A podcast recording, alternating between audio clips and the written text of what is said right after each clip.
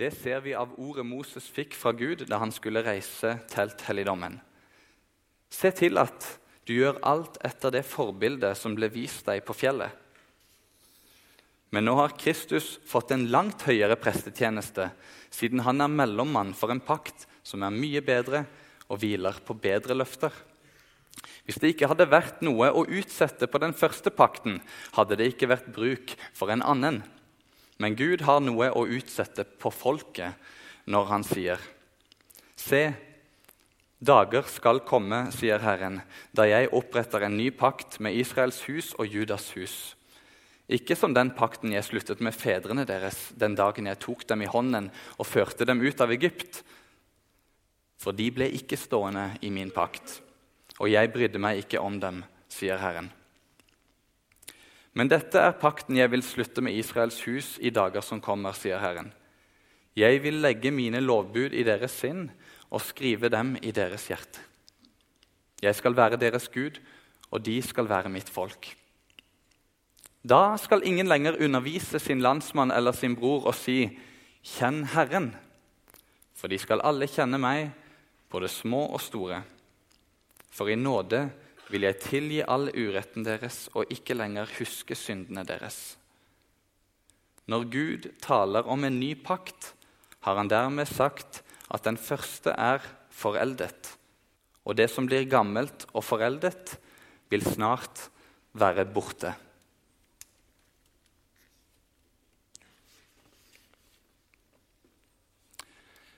Hebreabrevet er et av de lengste brevene i Det nye testamentet. Ja, Hvis vi nå skal kalle det et brev. For, for mange som har greie på sånt, de sier at hebreerbrevet minner mer om en preken enn et brev. Det minner om en preken eller en tale som er skrevet ned og sendt til en menighet for at den skulle leses opp høyt. Dette kommer ganske tydelig fram i det ellevte kapittelet når forfatteren etter å ha ramset opp en hel rekke med troshelter skriver Og hva skal jeg ellers nevne? Tiden strekker ikke til hvis jeg skal fortelle om Gideon, Barak, Samson og Jefta som David, og om David, Samuel og profetene. Vi får liksom inntrykk av at det er en predikant som er opptatt av å holde seg innenfor en viss tidsramme.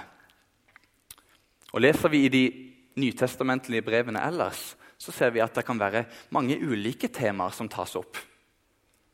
Men i hebreerbrevet så blir det liksom en mer sammenhengende tekst. Det er en rød tråd som går igjennom. En rød tråd som går igjennom som en preken. Det hele handler i grunnen om Jesus. Eller mer presist det handler om hvem Jesus er og hva hans liv, død og oppstandelse betyr for de som tror på han.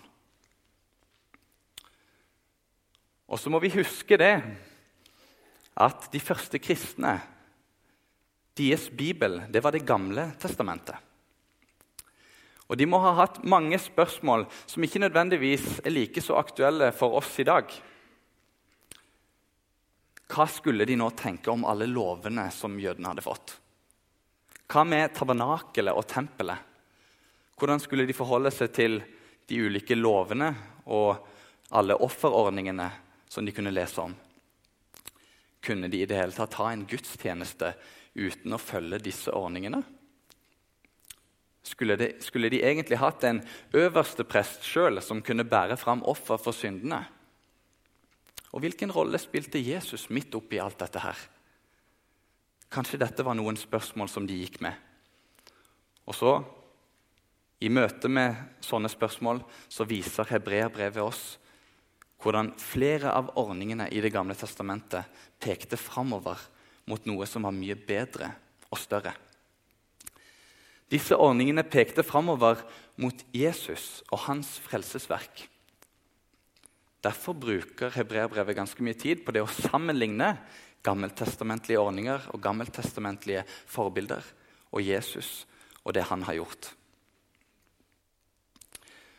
Og så var det sånn at Gud ikke bare ønskte at de første kristne skulle få med seg dette, men han ønsket også at du og jeg skulle få med oss dette. Ehm, men når vi skal prøve å forstå dette budskapet, så trenger vi å ha denne gammeltestamentlige bakgrunnen i bakhodet. Det avsnittet vi leste sammen i stad, det kan vi på mange måter oppsummere med tre hovedsannheter. Tre sannheter som henger veldig nøye sammen, og som ikke kan løses fra hverandre. Men dog tre sannheter. Jesus han er øverste prest til evig tid. Det er det første. For det andre så sier det at som øverste prest så har Jesus sin tjeneste i den himmelske helligdommen. Han gjorde sin tjeneste i den sanne helligdom, sier Hebreabrevets forfatter. For det tredje, som øverste prest så har Jesus lagt grunnlaget for en ny pakt. Vi skal se nærmere på disse sannhetene, men vi er nødt til å ta med oss den gammeltestamentlige bakgrunnen. Uten den blir det vanskelig å forstå hebreerbrevet. egentlig. For Gang på gang så skjer, skjer, det at han sammenligner Jesus med de gammeltestamentlige forbildene. Og Skal vi forstå sammenligningene, så må vi også forstå sammenligningsgrunnlaget. Så bli med meg nå når vi skal stupe rett inn i Det gamle testamentet. I andre Mosebok så kan vi lese om Gud som fridde israelsfolket ut fra slaveriet i Egypt. Han førte de ut i ørkenen, til fjellet Sinai, hvor han også opprettet en pakt med israelsfolket. Og så spør vi hva menes det egentlig med en pakt. Hva er det egentlig? En pakt, enkelt og greit, det er en avtale, en juridisk bindende avtale som dannes mellom to parter. Det er en relasjon som binder to mennesker sammen. Og Vi kjenner kanskje til fra hverdagen ordet kontrakt. Når vi snakker om en kontrakt, så er det snakk om at vi veksler eiendommer, eiendeler eller også tjenester. Når det er snakk om pakt, så er det snakk om å utveksle liv. En pakt knytter to parter sammen i en relasjon. Så i en pakt så sier man 'Jeg er din, og du er min'. Det jeg holder her, det er en giftering. Og det er et tegn på en pakt som jeg har inngått med min kone Kristin. Da jeg sa til hun, og hun sa til meg, at vi ville tilhøre hverandre i gode og onde dager inntil døden skiller oss ad. Det er et godt bilde på hva en pakt er. Og da ville det blitt veldig feil hvis jeg eller Kristin skulle ta denne i lommen om helgen og eh, leve et utsvevende liv der vi rota med andre osv., det hadde vært å bryte pakten. For vi har lovet at vi tilhører hverandre og ingen andre. Så når vi snakker om en pakt, så er det en relasjon mellom to parter.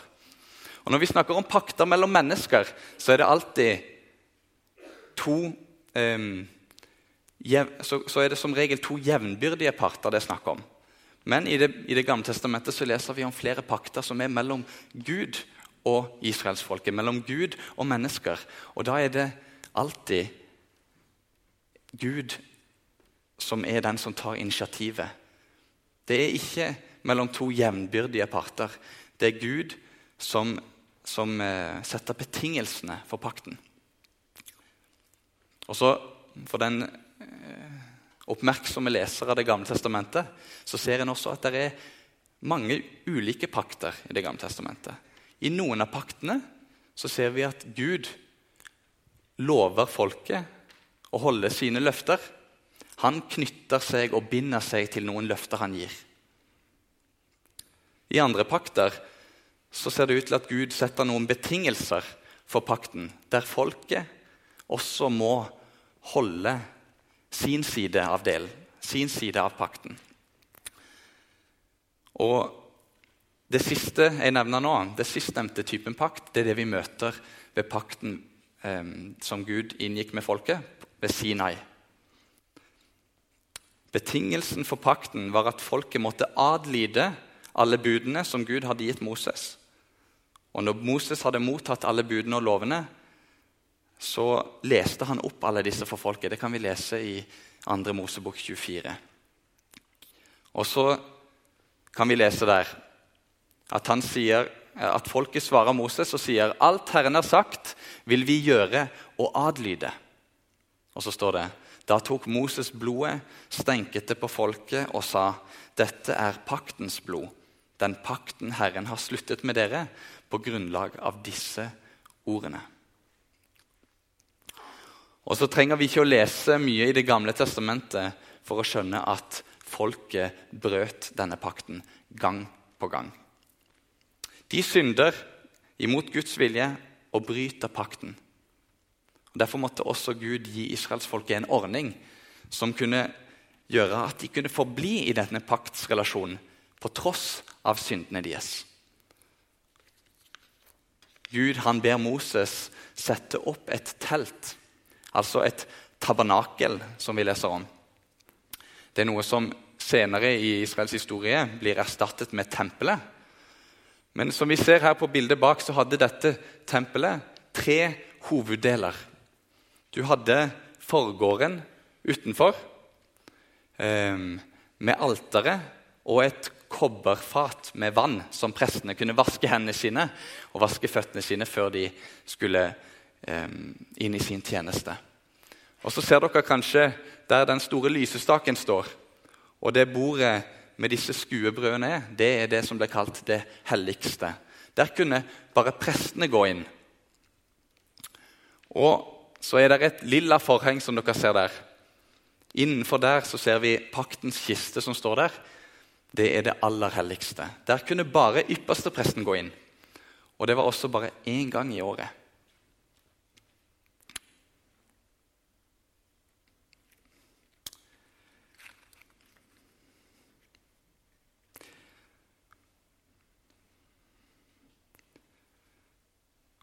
Og så skjønner vi det og Så kan vi også lese at hvis noen mennesker gikk lengre enn det de var tillatt Vanlige israelitter kunne komme til alteret, prester inn til det helligste, ypperste presten til det aller helligste. Hvis noen trosset dette og gikk lenger enn de var tillatt, så kunne dette få fatale konsekvenser. For Gud, han er en hellig Gud, sier Bibelen.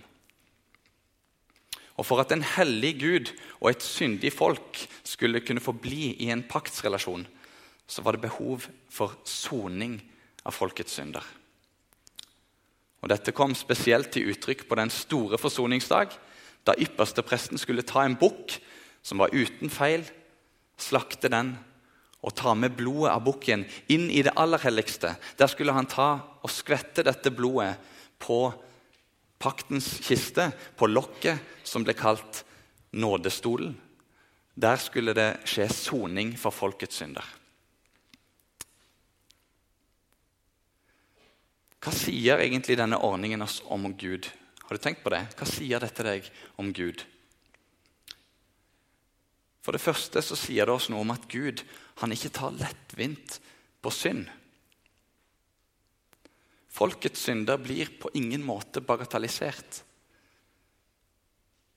For ifølge Bibelen så er det synden som skiller oss mennesker fra den hellige Gud. Vi kan i utgangspunktet ikke nærme oss Han um, uten at vi står i fare for livene. Hans hellige rettferdighet tåler ikke det onde og må ta et oppgjør med det.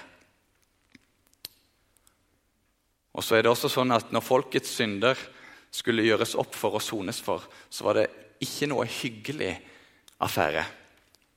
Hvis vi hadde blitt med inn i forgården, så hadde vi hørt dyr som skreik, blod som rant, og kanskje lukt av brent kjøtt.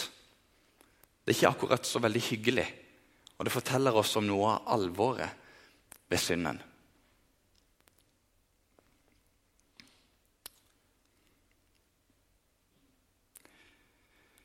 Den første sannheten som jeg nevnte fra hebreerbrevets forfatter, fra teksten vi har lest, det er at Jesus han er vår øverste prest. Og han er øverste prest til evig tid. Og Så går han i gang med å sammenligne øversteprestene fra Det gamle testamentet med Jesus. Prestene i Det gamle testamentet de var av Levis stamme. Man måtte være født i denne stammen for å kunne bli prest. Det var en oppgave som rett og slett gikk i arv. Men Jesus, sier Hebrebrevets forfatter, han ble innsatt til prest av Gud ved at Gud sverget en ed. Han skriver, 'Herren har sverget og angrer det ikke. Du skal til evig tid være prest.' Gud han trenger jo ikke i utgangspunktet sverge for at det han sier, skal gjelde eller være sant. Og Likevel så velger han å sverge her. Han velger å sverge på at Jesus skal være prest til evig tid. Det sier noe om at dette var viktig, at dette har stor betydning. Og Så aner vi også at forfatteren kanskje har lyst til å argumentere for at Jesus han også er prest, selv om han ikke er av Levis stamme. Og Så sammenligner han disse type prestene videre. Øverste prestene av Levis stamme de måtte først bære fram offer for sine egne synder, og så for folkets, sier han. Mens Jesus han trengte ikke å ofre for seg sjøl først. Han ofret seg sjøl for alle. Øverste prestene i Det gamle testamentets ordning måtte bære fram offer gang på gang, år etter år. For både øverstepresten og folket syndet igjen og igjen og trengte soning for sine synder.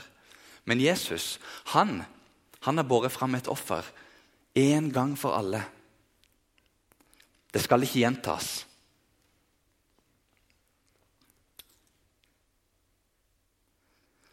Og så er det sånn at Jesus i Hebreerbrevet og i Det nye testamentet fremstilles som både øverste prest og offer på en og samme tid.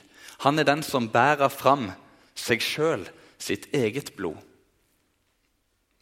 Derfor så eh, hadde også døperen Johannes rett da han pekte på Jesus og sa, 'Se der, Guds lam, som bærer bort verdens synd.' Det er dine og mine synder Jesus bar da han hang på korset. Det var din og min synd som fikk sin straff. Han døde for oss. Akkurat som syndebukken ble slaktet i folkets sted, så blir Jesus korsfestet i alles og våres sted. Alle andre øverste prester de døde, og så måtte det settes inn en ny øverste prest. Men Jesus han er øverste prest til evig tid. Han sto opp igjen fra graven, og så satte han seg ved majestetens høyre hånd, står det. Og Derfor er han også prest til evig tid. Og Så kommer vi til den andre sannheten som teksten lærer oss. Jesus gikk ikke inn som øverste prest i et telt som var laget med hender, men han gikk inn i den himmelske helligdommen fremfor Guds trone. Da Moses var på Sinai-fjellet for å ta imot loven, så fikk han samtidig beskjed om at han skulle sette opp tabernakelet. Gud viste Moses da et forbilde eh, på det han skulle bygge. Han fikk se et forbilde på tabernakelet oppå fjellet. Og Så tar Hebreabrevets forfatter tak i dette og så sier han at Tabernakelet som Moses lagde, som israelsfolket lagde, det var bare et forbilde. Det var bare en etterligning og en skygge av det som er i himmelen, den sanne helligdommen. Det er en større virkelighet det er snakk om her, som er avbildet i tabernakelet. Og Det som jeg syns gjør dette veldig spennende, det er det at tabernakelet det bærer med seg en veldig spennende symbolikk. En sterk symbolikk. Og I jødisk fortolkningstradisjon så var det helt naturlig å forstå tabernakelet som et bilde på hele kosmos. Forgården med alteret og med dette kobberfatet med vann forsto en som jorden, som verden. Jorden med havet og land. Det helligste var det flere som tolket i retning av å være, være himmelen. Lysene i lysestaken var det flere som tolket i den retning at det var solen og månen som Gud hadde satt på himmelen med alle planetene. Og så har vi det aller helligste, med symbolikken som blir sterk når du ser forhenget og kirubene som var brodert inn. Det var kiruber, det er altså en type engel, som var brodert inn på dette forhenget som hang foran det aller helligste. Og Det skulle symbolisere at dette der inne, der var det Gud var. Det var Guds trone. Det var der Gud hadde sin trone over kirubene. Og så aner vi at det er en større sammenheng i denne symbolikken. For på Bibelens første sider så kan vi lese om de første menneskene. At de vandret sammen med Gud, de levde nær Han. Og det var ingenting som skilte Gud fra menneskene. Men så leser vi det om Adam og Eva, at de ville være herre i eget liv. De ville, ha, de ville ikke lenger ha Gud som herre. Og så endte det opp med at de falt i synd. Og så sender Gud de ut av Edens hage. Og så setter han to kiruber der til å vokte hagen.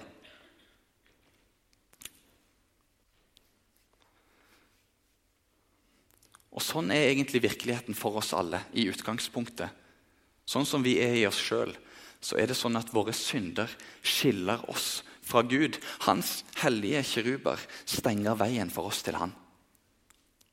På samme måte så markerte også kirubene på forhenget inn til det aller helligste en avstand mellom folket og Gud. Og så kan vi hoppe til Det nye testamentet, Johannes evangeliets 19. kapittel, der vi ser Jesus henge på korset og rope 'Det er fullbrakt'. Og i samme stund står det så revnet forhenget i tabernakelet ovenifra og ned. Veien som var stengt inn til Gud, den ble åpnet igjen. Adgangen til Gud var ikke lenger forbeholdt øverste prester, men alle de som ved troen på Jesus kommer til Gud. Så Jesus han gikk ikke inn i et synlig tempel eller et synlig telt med sitt eget blod. Nei, for det var bare en etterligning og et forbilde på den sanne virkeligheten. Jesus han gikk med sitt blod helt inn til Guds trone og gjorde soning for alle menneskets synder. Og Dette skal også Jan Magnus ta dere inn i ved en senere anledning. Og så er det også spennende å se denne tempel, denne billedbruken fra tempelet inn i den siste boken i Bibelen. Vi finner det i den første, første bok, men også i den siste bok, i Johannes' åpenbaring, i de siste kapitlene. Når den nye himmel og den nye jord skal beskrives, så beskrives det som, som det aller helligste i tempelet. Og så sies det at Guds bolig var blant folket. Og Johannes han fikk se en stor folkemengde med mennesker som sto foran tronen og tilba Gud. Og Så spør han hvem er disse, og forsvaret. Det er de som har fått vasket skjortlene sine rene i lammets blod. Og så står det derfor står de for tronen. Grunnen for at de frelste i evigheten står for tronen, det er pga. det Jesus gjorde, det offer han ga, han som er offeret og offerprest. Den tredje sannheten, som er hovedpoenget for dagens tale, det er at Jesus gikk inn som øverste prest i himmelen og opprettet en ny pakt mellom Gud og mennesker. Det kan vi lese i Hebreerne 8, vers 6. Men nå har Kristus gått, fått en langt høyere prestetjeneste, siden han er mellommann for en pakt som er så mye bedre og hviler på bedre løfter. Hva var det da med denne nye pakten som var så mye bedre enn den gamle? Og hva er det egentlig som skiller de fra hverandre? Pakten som Gud gjorde med israelsfolket på Sinai-fjellet, den var inngått med den betingelsen at folk er lovet å holde de budene som Gud ga. Feilen i den gamle pakten lå ikke hos Gud og ikke i pakten i seg sjøl, men den lå hos menneskene som stadig brøt pakten. Derfor så måtte det også stadig bæres fram offer for syndene gang på gang. Den nye pakten mellom Gud og mennesker den bygger på noe mye større. Et løfte som ikke er fra menneskets side, men fra Guds side. Og Derfor sier også forfatteren at det hviler på bedre løfter.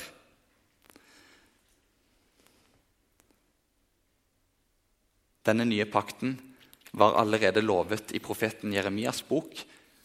Og Det siterer hebreerbrevets forfatter. Og Vi skal lese dette avsnittet igjen. Se dager kommer, sier Herren, da jeg oppretter en ny pakt med Israels hus og Judas hus. Ikke som den pakten jeg sluttet med fedrene deres den dagen jeg tok dem i hånden og førte dem ut av Egypt. For de ble ikke stående i min pakt, og jeg brydde meg ikke om dem, sier Herren. Men dette er pakten jeg vil slutte med Israels hus i dager som kommer, sier Herren. Jeg vil legge mine lovbud i deres hjerte. Jeg vil være deres Gud, og de skal være mitt folk. Da skal ingen lenger undervise sin landsmann og si 'Kjenn Herren', for de skal alle kjenne meg, både små og store. For i nåde vil jeg tilgi all uretten deres og ikke lenger huske syndene deres. I den nye pakt så er det Guds løfte som gjelder. Han lover at han vil se i nåde til oss og tilgi oss våre synder. For Jesus han har tatt bort alt som skiller oss fra Gud.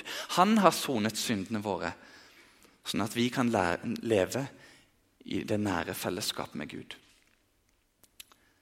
Ja, det er til og med så nært at Gud selv sier at han vil flytte inn i hjertene våre. Det var det som skjedde på pinsedag, da Gud utøste sin hellige ånd over disiplene. Og så er ikke Gud lenger bundet til et tempel eller et telt, men han bor i alle troende som sitt tempel. Ved troen så bor Guds ånd i våre hjerter, sier Bibelen. Og da kan det fort skje ting. Når Han som kalles kjærligheten sjøl, bor i våre hjerter, da skulle det bare mangle at det kunne skje en forandring. Og Likevel så merker vi at vi hele veien lever i en borgerkrig inn, inni her. Det er et gammelt menneske som ikke vil det Gud vil. Og så er det et nytt liv som vil en annen vei. Og så merker vi kampen hver dag.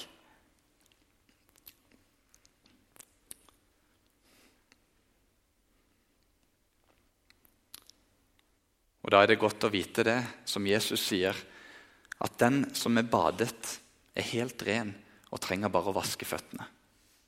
På vandringen sammen med Jesus her i tiden så kommer vi ikke utenom det.